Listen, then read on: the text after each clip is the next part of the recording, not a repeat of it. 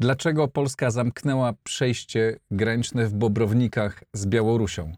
Jak wyglądają dziś relacje między Ukrainą a Białorusią w obie strony?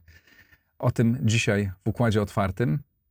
Serdecznie dziękuję wszystkim Państwa, z Państwa, dzięki którym mogę prowadzić ten program. Bardzo serdecznie dziękuję wszystkim patronom. Kto z Państwa chciałby dołączyć do grona patronów, zapraszam na mój profil w serwisie patronite.pl. Bardzo dziękuję też mecenasom i zapraszam na rozmowę. A oto mecenasi Układu Otwartego. Firma DevTalent, budująca zespoły programistyczne dla klientów z branży finansowej i cyberbezpieczeństwa. OnGeo.pl, geoportal dostarczający raport o terenie z diagnozą dowolnej działki dla właścicieli, sprzedających lub kupujących. MW Kancelaria Doradztwa Restrukturyzacyjnego, która zajmuje się pomocą dla firm w trudnej sytuacji finansowej.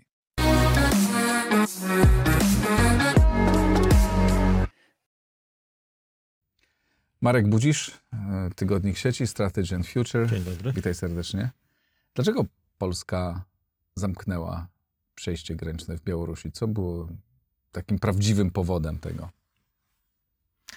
Wydaje się, bo tu możemy tylko domyślać się, ponieważ to uzasadnienie oficjalne podane przez, mm, przez rząd, y, że zostało to zrobione ze względów bezpieczeństwa, no, nie wytrzymuje próby nawet dość e, prostej krytyki, a zatem myślę, to jest moja hipoteza, że no, po prostu rząd uznał, iż musi odpowiedzieć w jakiś sposób na skandaliczny wyrok wydany przez sąd na Białorusi w sprawie Andrzeja Poczobuta, e, który no, został skazany na karę, na karę więzienia. No i wchodzimy w taką, powiedziałbym, e, spiralę pewnych działań reżimu Łukaszenki i retorsji ze strony, ze strony Polski. E, dlaczego akurat zamknięto przejście graniczne? Wydaje się, że dlatego, to też pokazuje pewną, pewne ograniczenia naszej polityki wobec Białorusi, polityki wschodniej, że nam już zostało tych narzędzi, które możemy użyć, raczej niewiele. A w związku z tym to, co można zrobić szybko i to, co można zrobić, e, no, to, co jest bolesne dla, dla drugiej strony, czy może być bolesne, no to właśnie tego rodzaju, tego rodzaju działanie. My, tych kanałów e, oddziaływania mamy zdecydowanie zbyt mało, moim zdaniem. To są lata zaniechania. No i w związku z tym musimy się uciekać już do takich środków bardzo, wydaje się, dolegliwych i, i znaczących. A na ile to będzie właśnie środek dolegliwy dla reżimu Łukaszenki? No właśnie to jest ta zasadnicza kwestia, czy będzie to środek dolegliwy dla reżimu Łukaszenki, bo to, że to będzie dolegliwe dla mieszkańców e, Grodna, e, w tym rejonie mieszka też znacząca liczba ludzi mających polskie korzenie, czy, czy, czy wprost Polaków, no to, to, to do tego nie ma wątpliwości, dlatego że jedyne przejście graniczne, które jest nadal czynne, ono prowadzi przez Brześć. A w związku z tym trzeba, chcąc jechać po prostu robić zakupy w Polsce, a takim procederem e, trudniło się wielu ludzi na, na Białorusi, kupując u nas przede wszystkim dobra trwałe, lodówki, zmywarki, komputery. Średnio one są w Polsce dwa razy tańsze niż, niż na Białorusi. A ci ludzie po prostu z tego żyli. No, są relacje w białoruskich mediach, też opozycyjnych, emigracyjnych, e, które rozmawiały z tymi e, właśnie gośćmi e, strefy nadgranicznej w Polsce, którzy przyjeżdżali tu, kupowali te artykuły, że oni w ten sposób zarabiali od 100 do 300 dolarów y, na, na takim jednym, jednym wyjeździe. To jest bardzo dużo w realiach białoruskich wynagrodzeń, dlatego że tam się średnio zarabia poniżej 500 dolarów, dolarów miesięcznie. Czyli z pewnością to będzie dolegliwe dla ludności, dla tej części ludności, która jeździła do Polski, wracała i sprzedawała to, co u nas kupiła. Czy to będzie dolegliwe dla reżimu, to wydaje, tutaj miałbym pewne, pewne wątpliwości, bo mogłoby być to dolegliwe dla reżimu, gdyby wywołało jakąś, jakiś ferment społeczny, ale to nie jest krok, który moim zdaniem tego rodzaju reakcję jest w stanie mm, właśnie wywołać. Bo to nie naruszy żadnych dużych interesów, prawda? Nie ma jakichś konkretnych ludzi, którzy z, z otoczenia Łukaszenki, którzy przez to, że nie wiem, no nie będą mogły, mogły, mogli wywozić towarów e, z Białorusi, przez to przejście jakoś tam gwałtownie Nie, ucierpiał. to wydaje mi się, że gdybyśmy chcieli rzeczywiście uderzyć w interesy reżimu białoruskiego, no to należałoby przede wszystkim e, myśleć o objęciu Białorusi kolejnymi pakietami sankcji. No przecież nie jest żadną tajemnicą, że mamy, e, jeśli chodzi o politykę Unii Europejskiej, do czynienia ze znaczącą asymetrią. To znaczy e, Rosja jest obejmowana już dziesiątym pakietem sankcji, a ostatnie sankcje nałożone na Białoruś to miały miejsce w czerwcu ubiegłego roku. To jest wynik pewnej świadomej polityki. Też mówi się na zachodzie Europy, że to jest efekt no, oddziaływania ukraińskiej dyplomacji. Ukraina nie jest zainteresowana, a przynajmniej do tej pory nie była zainteresowana mm, nakładaniem coraz to nowych pakietów sankcji na Białoruś. No właśnie, bo tu dotykamy, mm, przechodzimy do następnego, do następnego wątku i to też jakby sedna, No, sedna tym problemu. Pamię, pamię, poza tym pamiętajmy, że nadal są otwarte przejścia graniczne z Białorusi na Litwę. Mhm. I z Litwy oczywiście można y, spokojnie dojechać y, do Polski, więc ten, część tego ruchu granicznego, y, również tego, o którym mówiłem, no będzie przekierowana Mhm. y, właśnie na, na, na, na Litwę i to powoduje, że to działanie moim zdaniem ma e, wymiar raczej symboliczny i raczej odbiorcami tego kroku miała być polska opinia publiczna, która miała dostać sygnał, że rząd jest zdeterminowany w obronie mniejszości polskiej na Białorusi, w ogóle walce, walce z, z takim drakońskim zaostrzeniem represji Mhm. przez, przez białoruski reżim. Chociaż tu też moment wydaje się dobrany być może nie bardzo właściwie, dlatego że Poczobut dostał bardzo y, wysoki wyrok, no ale kilka dni później młodzi ludzie, kilkunastoletni maturzyści po, i, i trochę starsi dostali 22 lata więzienia tylko za to, że dokonali dywersji y, stacji rozrządowej, takiej sterowania ruchem kolejowym, po to, żeby opóźnić transporty wojskowe, y, k- które jakby były przemieszczane na Białorusi w związku z wojną na Ukrainie. To, to pokazuje jakby skalę tych represji. No tak, ale w przypadku Andrzeja. Poczobuta, no to pewien jak, jakiś symboliczny, mocny gest był potrzebny, no bo to też również wsadzenie go do więzienia, znaczy skazanie go jest, ma bardzo, bardzo silną symbolikę i, i bardzo duże No zgoda, znaczenie. tylko że polityki, i to jeszcze polityki wobec państwa sąsiedniego, z punktu widzenia Polski kluczowego, nie można ograniczać tylko do gestów symbolicznych. Ja mam takie wrażenie, że po takim okresie wzmożenia, zainteresowania tym, co dzieje się na Białorusi, również y, y, zainteresowania naszej opinii publicznej, bo słowa moja adresuję nie tylko pod adresem rządzących, e, Teraz mamy do czynienia z takim spadkiem zainteresowania. Mhm. Białoruś nas już mniej, e, mniej obchodzi, mniej interesuje, nie przyciąga takiej, takiej uwagi i to, i, i to uważam za zjawisko niekorzystne, dlatego że Białoruś jest i będzie państwem z punktu widzenia polskich interesów, przede wszystkim bezpieczeństwa, kluczowym. Nawet nie wiem, czy nie ważniejszym docelowo niż Ukraina. No tak, ale przypomnę ci, że e, polski rząd e, był bardzo aktywny w czasie tych e, buntów i protestów e, na Białorusi. Zaoferował białoruskiej opozycji, w ogóle Białorusinom bardzo duże wsparcie e, w Polsce. E, no, nie było to, nie, nie, nie jest tak, że nic się nie działo do tej pory. No właśnie, i do czego to Mhm. doprowadziło? Do, do uzyskania jakiegoś wpływu na bieg spraw na Białorusi? No tak, ale pytanie co innego. tylko na, do, do manifestowania postawy? To być może budowania wpływu na przyszłe władze Białorusi, które przyjdą kiedyś po upadku Łukaszenki. No pytanie, okej, Ja się zgadzam z tym, że to nie przyniosło nic e, konkretnego teraz. No ale pytanie, co innego moglibyśmy, mogliśmy zrobić e, w ostatnim czasie, kiedy nie mieliśmy innych specjalnie narzędzi. No ale od protestów na Białorusi minęły już dwa lata. Mhm. Powstał w Polsce jakiś finansowany choćby z, z, z funduszy publicznych specjalny ośrodek analityczny, który by zajmował się em, em, obserwowaniem sytuacji na Białorusi?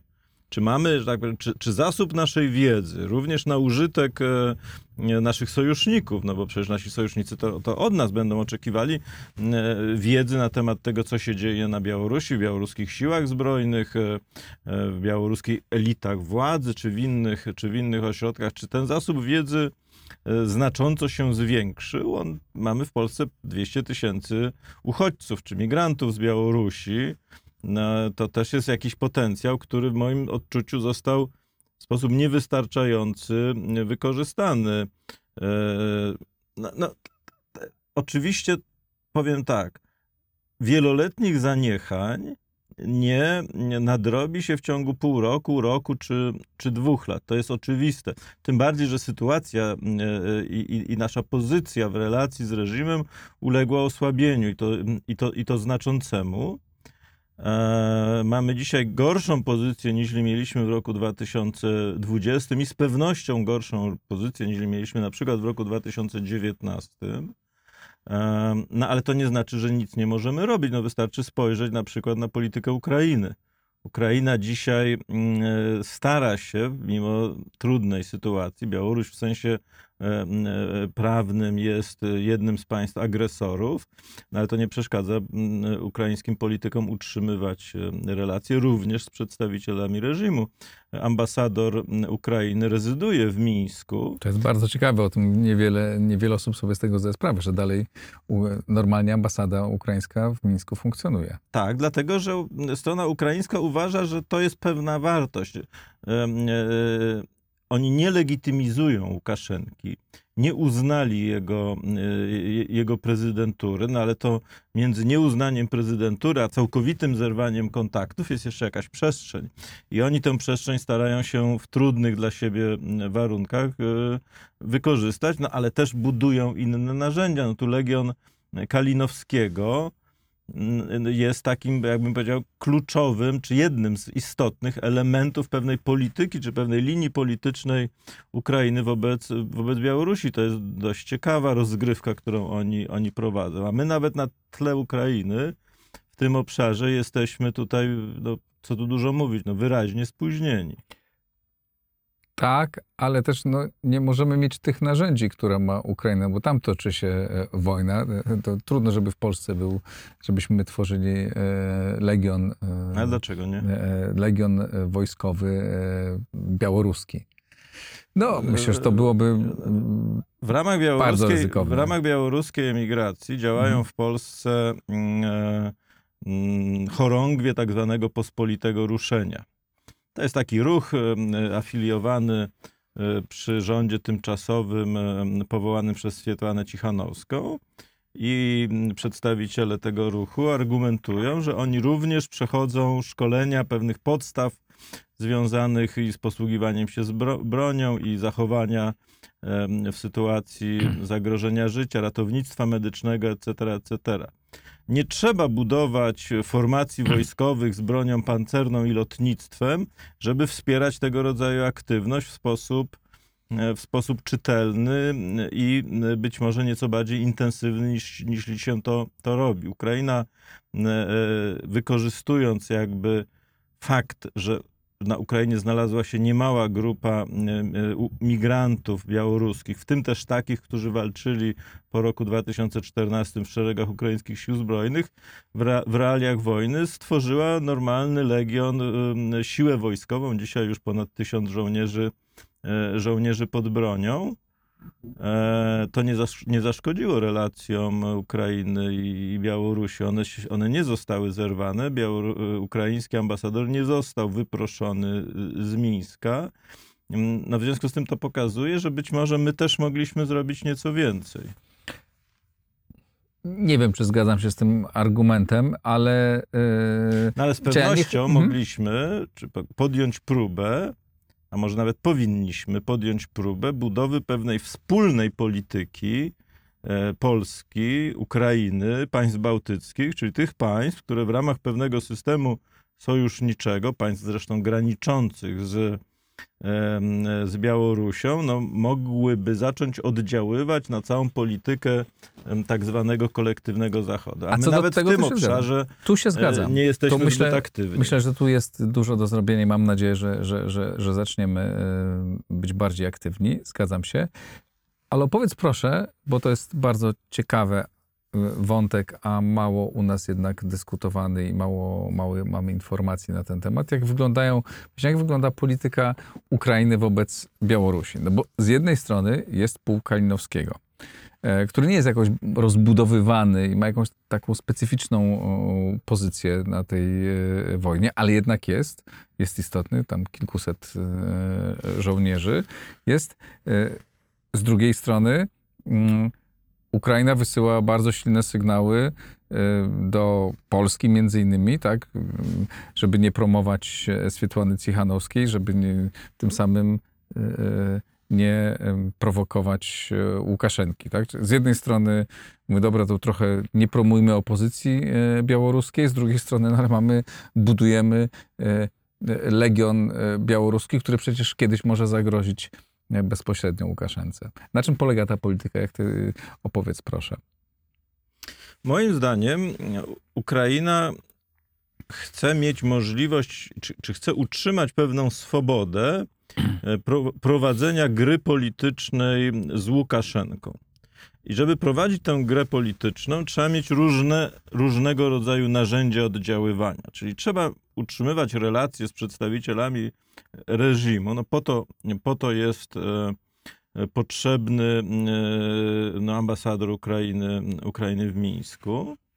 E, Te kontakty zresztą przed wojną, o czym musimy pamiętać, były bardzo intensywne. No, w, w, roku 2020 e, pamiętamy, była słynna historia z grupą e, bojowników Wagnera, e, aresztowanych przez ludzi, przez ludzi Łukaszenki. Oni mieli się udać do Syrii przez, e, przez Istambuł. To, jak się potem okazało, w dwu- 2021 roku była bardzo misterna e, gra e, wywiadu, głównie wywiadu amerykańskiego, współpracującego z wywiadem, e, z wywiadem ukraińskim, bo chodziło o to, żeby kiedy ci bojownicy Wagnera już wsiądą do samolotu lecącego do Istambułu, ten samolot miał być sprowadzony w przestrzeni powietrznej Ukrainy, ci wszyscy najemnicy mieli być aresztowani, co e, większość z nich zresztą była ścigana przez, przez Ukrainę. I w ubiegłym roku, jeszcze przed wybuchem wojny, a właściwie w 2021 roku, precyzyjnie rzecz ujmując, e, na Ukrainie pojawiły się informacje, że osobą, która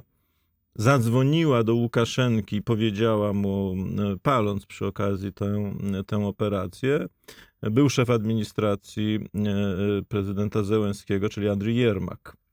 To oczywiście nigdy nie zostało rozstrzygnięte, czy tak było w istocie, ale to też pokazuje, że te kontakty i to na, bardzo wysokim szczeblu przed wybuchem wojny między Łukaszenką a, a, a administracją Zełenskiego i samym Zełenskim, to już było po roku 2020, na to zwracam, zwracam uwagę, one miały miejsce.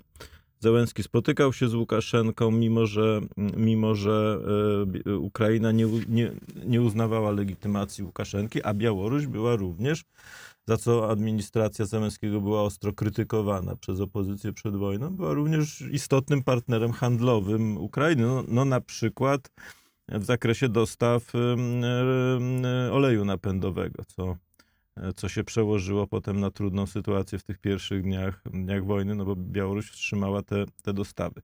Więc te relacje były. One były również relacjami biznesowymi. Białoruś była jednym z głównych dostawców mas bitumicznych, a, a Zełenski w czasie przedwojen, przed wojną w roku 2021 uruchomił taki duży program remontu i modernizacji dróg ukraińskich, bo to miał być ten program, który, którego powodzenie miało dać Zełenskiemu punkty potrzebne do, do zwycięstwa w wyborach e, prezydenckich. To pamiętamy.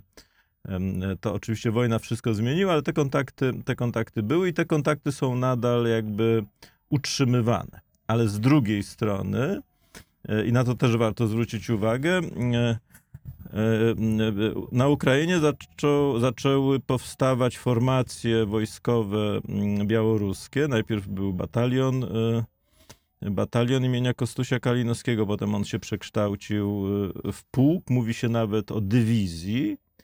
E, Dzisiaj tam pod bronią jest, jak się szacuje, gdzieś około tysiąca, tysiąca, tysiąca żołnierzy, to, czyli to już jest e, licząca się siła. To może nie jest siła, która może samodzielnie obalić Łukaszenkę, mimo że przywództwo polityczne, e, na przykład pan Kabańczuk, e, przywództwo polityczne tego batalionu jakby deklarują gotowość już po wojnie wejścia na Białoruś i zbrojnego Tak. rozegrania całej sytuacji, co powoduje pewien niepokój po stronie e, reżimu, bo oni to dostrzegają i, i się z tym poważnie liczą. Swoją drogą polecam Państwu rozmowę na temat e, batalionu białoruskiego w układzie otwartym z Kasprem Rękawkiem.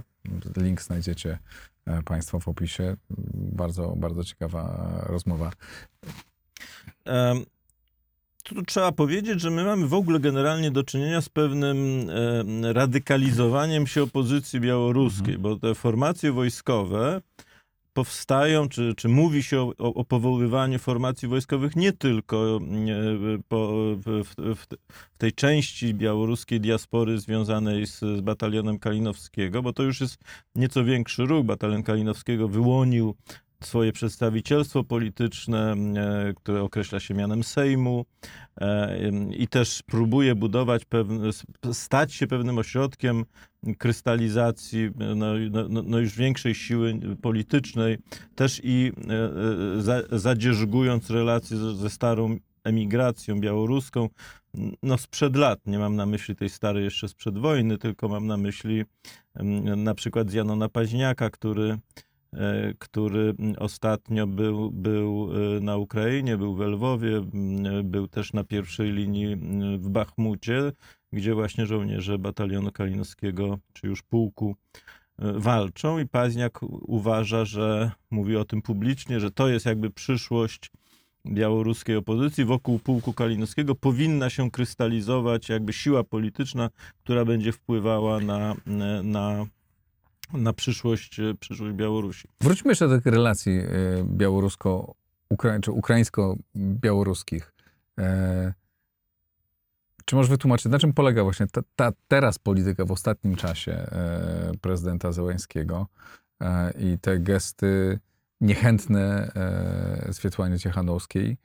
Mm, No wydaje mi się, że to jest dość czytelne. To nie jest zresztą tylko pułk Kalinowskiego. Na, na, przykład niedawno jedna z fundacji y, kijowskich przy współpracy z wywiadem ukraińskim organizowała w Rumunii taką grę strategiczną, na którą zaprosili właściwie wszystkich przedstawicieli białoruskiej opozycji.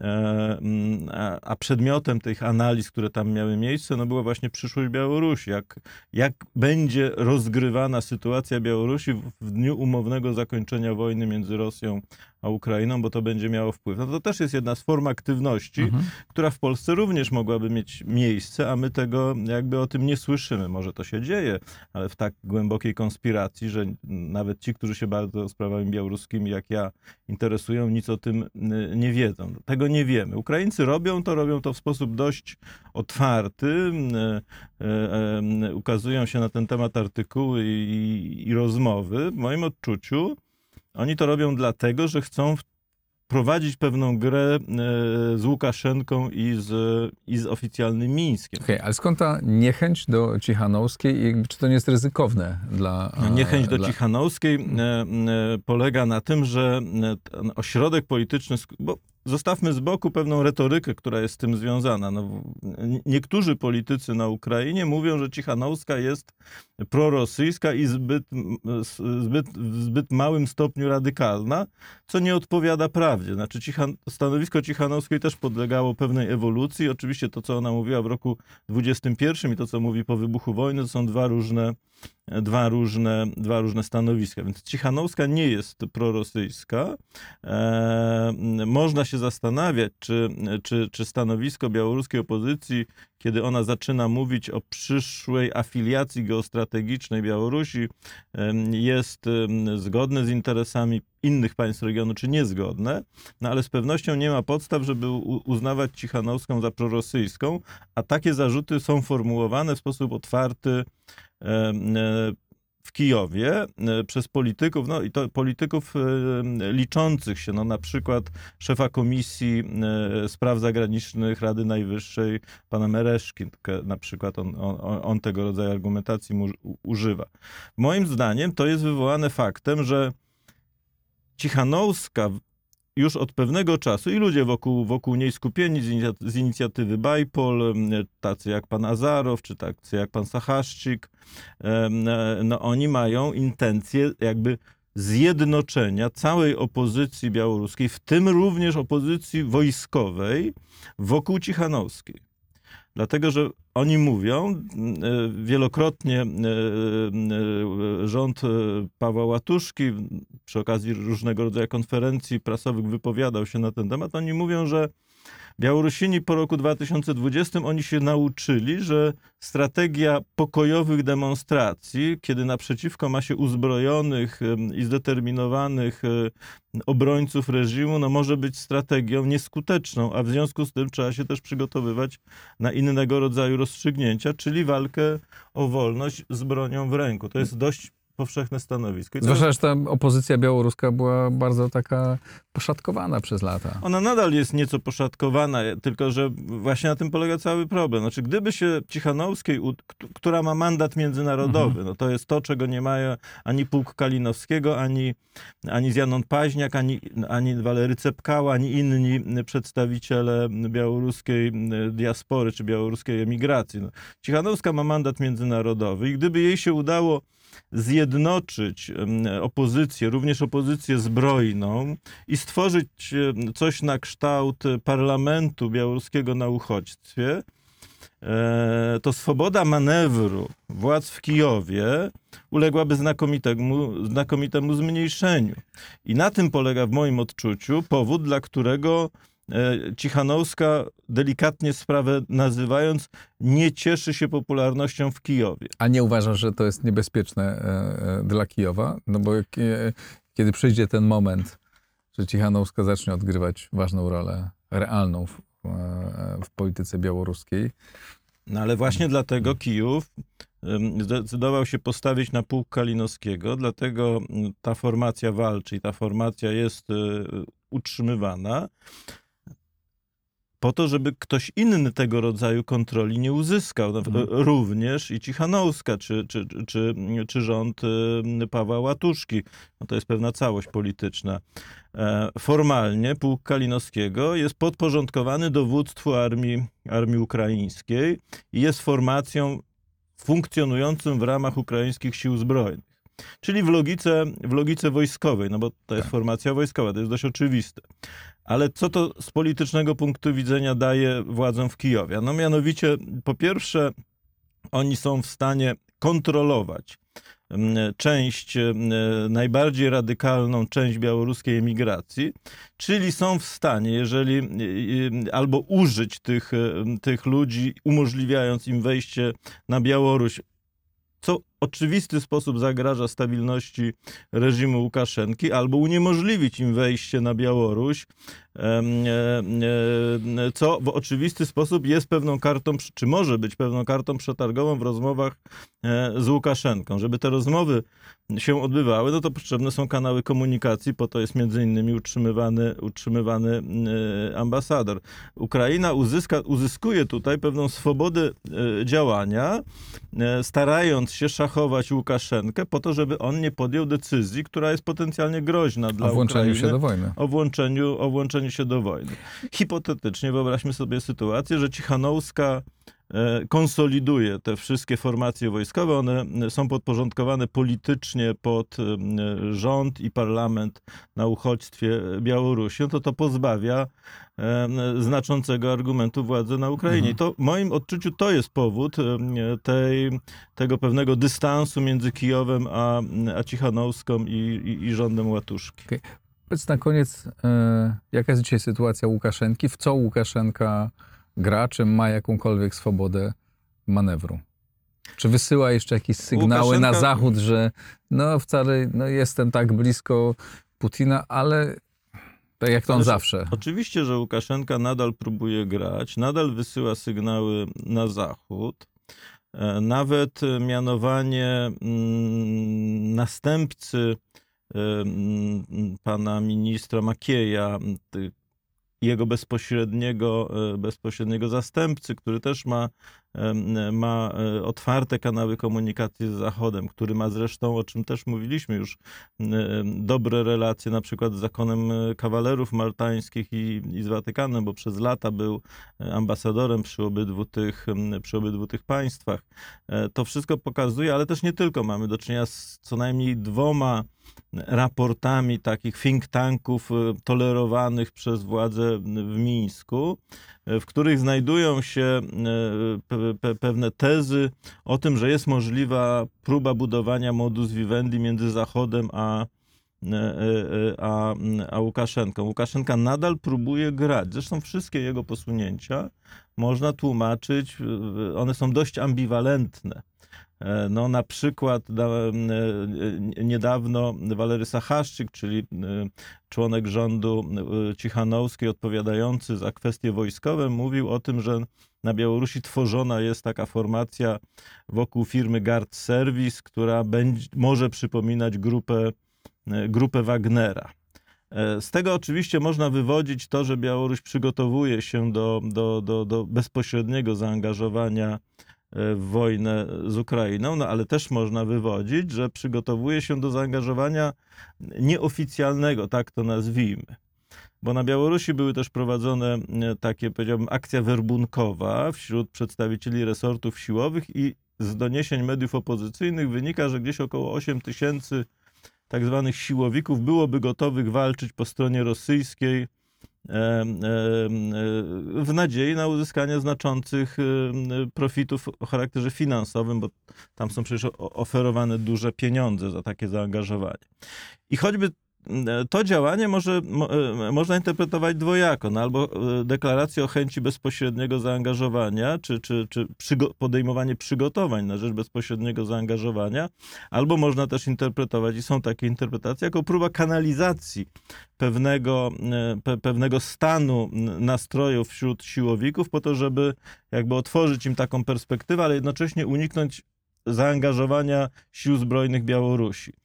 I takie sygnały e, e, o dwuznacznym charakterze ich jest znacznie, znacznie więcej. No na przykład niektórzy analitycy białoruscy mówią o tym, że Łukaszenka dlatego właśnie nalegał, aby obsługa tych dwóch baterii Iskanderów przekazanych Białorusi przez, przez Rosję była wyłącznie białoruska, żeby, żeby mieć jakąś szansę na kontrolowanie tych, którzy się tymi rakietami e, będą e, posługiwać, bo gdyby ta obsługa była mieszana, albo gdyby ta obsługa była w znacznej części rosyjska, to mogłoby to oznaczać, że w gruncie rzeczy Rosjanie dyslokowali na Białoruś e, na Białoruś dwie baterie rakiet, rakiet Iskander, a ta sytuacja, którą, którą jemu się udało uzyskać, jest może w niewielkim stopniu, ale jednak nieco odmienna i poszerzająca jego pole manewru. I on takie sygnały wysyła.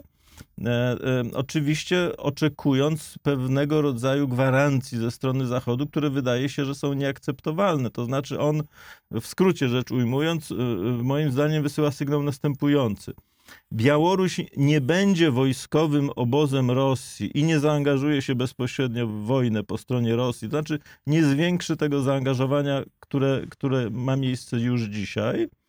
E, No ale Zachód musi zgodzić się na, na to, że Łukaszenka będzie i jego ludzie rządzili na Białorusi, a żeby to zrobić, e, powinien e, poluzować część sankcji. No na przykład sankcji na wywóz białoruskiej saletry, bo, bo jej eksport spadł o- połowę, a to jest znaczące źródło dochodów dla, dla budżetu. W tym sensie zamknięcie przejścia granicznego przez Polskę no jest takim sygnałem, że Tak. to jest, że to jest e, gra, którą my nie jesteśmy zainteresowani. Ale rozumiem z tego, co mówisz, to wynika, że e, tak naprawdę naj... nie ma co się spodziewać, że w najbliższym czasie coś się zmieni w jedną albo w drugą stronę i ani Łukaszenka, jak to zwykle, on nie posunie, nie, ani się nie, nie zrobi kroku w stronę e, Rosji, aczkolwiek tam, tak powiem, Rosja zrobiła kilka kroków w jego, e, w jego stronę, ani też nie nastąpi jakieś e, ocieplenie w relacji z Zachodem, no bo trudno sobie wyobrazić, żeby Zachód zniósł jakąkolwiek sankcję na Białoruś. Może nie nałożyć następnych. No wszystko zależy od tego, kiedy skończy się wojna na Ukrainie i, i jakim rezultatem No się tak. skończy. Znaczy, ja nie mówię o sytuacji po wojnie, tak? no bo to jest sytuacja zupełnie, to będzie sytuacja zupełnie, zupełnie nowa. no wtedy na pewno zmiany zostaną uruchomione. Jest tylko Tak. pytanie, jak głębokie i o jakim charakterze, bo tu różne scenariusze mogą mieć miejsce, w tym i takie, których y, wcale nie oczekujemy, czyli na przykład e, m, e, wzrostu aktywności sił rosyjskich na Mhm. kierunku białoruskim, bo Rosjanie mogą Na chcieć pewno. w sytuacji, kiedy będą przegrywać wojnę, rekompensować sobie e, na przykład te straty na Białorusi, tym bardziej, że Białoruś w rosyjskiej geografii bezpieczeństwa jest państwem ważniejszym niż Ukraina. No a te- też zapewne wtedy e, ci, tysiąc, tych tysiąc żołnierzy zaprawionych e, w boju, bardzo zdeterminowanych, walczących w pułku Kalinowskiego, nie będzie chciało złożyć broni i e, pójść na urlop. Oczywiście tysiąc żołnierzy nie, jak sam powiedziałeś, tak, nie, nie obali Łukaszenki, ale może narobić bardzo dużo zamieszanie, może zmobilizować dużą część Ale to powinno być poprzedzone pewnym, wydaje się, planem działania Mhm. państw graniczących y, z Białorusią co do tego, co chcemy uzyskać od Białorusi. To powinno być przedmiotem uzgodnień między Polską a Ukrainą, albo przynajmniej poufnych y, narad i pewnej wspólnej linii, dlatego że zmiany zostaną uruchomione, co do tego nie ma wątpliwości. Ich charakter, głębokość y, i przebieg no w sporej części e, zależy właśnie od postawy państw e, sąsiadujących z Białorusią. Nie tylko dlatego, że jest pułk Kalinowskiego i nie tylko dlatego, że są formacje działające w ramach pospolitego ruszenia, czy, czy, czy, czy, czy, czy tak, zwana, tak zwany Legion Pogoń. Nie tylko z, po, z tego powodu, że, że mamy taką radykalizację się, ra, radykalizację białoruskiej opozycji i mówienie o tym, że że będziemy zbrojnie walczyć, no ale również z innego powodu, mianowicie takiego, że w Polsce mieszka 200 tysięcy Białorusinów i jak można przypuszczać, to są ludzie aktywni, którzy, którzy będą chcieli wrócić y, do siebie i, i stać się rzecznikami też pewnych, pewnych zmian. Do tego trzeba się przygotować, trzeba wiedzieć, co, co, czego chcemy, trzeba wiedzieć, w jakim kierunku dążymy, trzeba mieć też pewien plan dla Białorusi, związany z gospodarką tego kraju, bo dzisiaj to jest gospodarka e, w sposób znacznie silniejszy niż w roku 2020, związana z gospodarką rosyjską, pracująca na potrzeby, na potrzeby Rosji. Czyli ta hip- hipotetyczna zmiana e, na Białorusi, która nie musi być przez Rosję witana z entuzjazmem, no ona będzie miała swoje konsekwencje gospodarcze e, negatywne dla, dla Białorusi, co może być wykorzystane przez siły albo prorosyjskie, e, albo siły proreżimowe. Tu też musimy wiedzieć, co zrobić.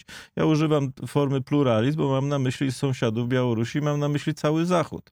A ta perspektywa zmian na Białorusi to nie musi być perspektywa za dwa lata, to może być perspektywa za pół roku, e, bo wcale nie jest wykluczone, że wojna na Ukrainie nie, nie wejdzie w jakąś decydującą fazę już latem, już latem tego roku. I, i, i wtedy to, ten czas znacznie się skraca.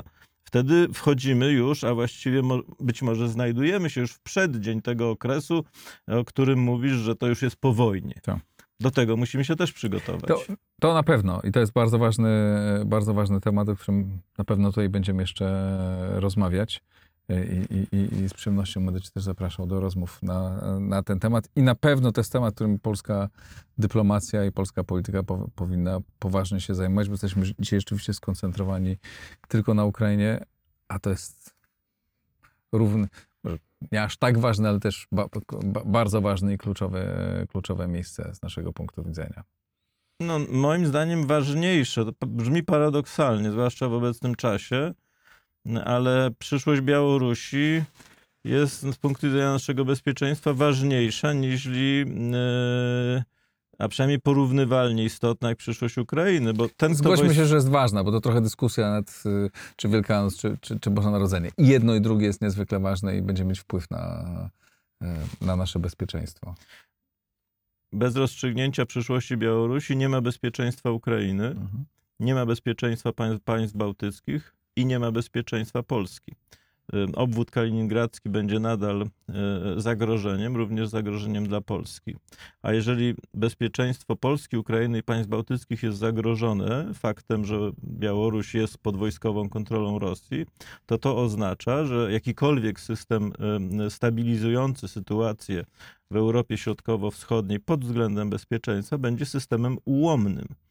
I to powoduje, że tak zwana kwestia białoruska prędzej czy później, ja uważam, że prędzej niż później, stanie na porządku dnia i będziemy musieli szukać rozwiązania. Zgoda, postawmy tu dziś kropkę, ale na pewno do tego, e, do, tych, do tego problemu wrócimy. Marku, bardzo Ci dziękuję. Dziękuję bardzo. Marek Budzisz.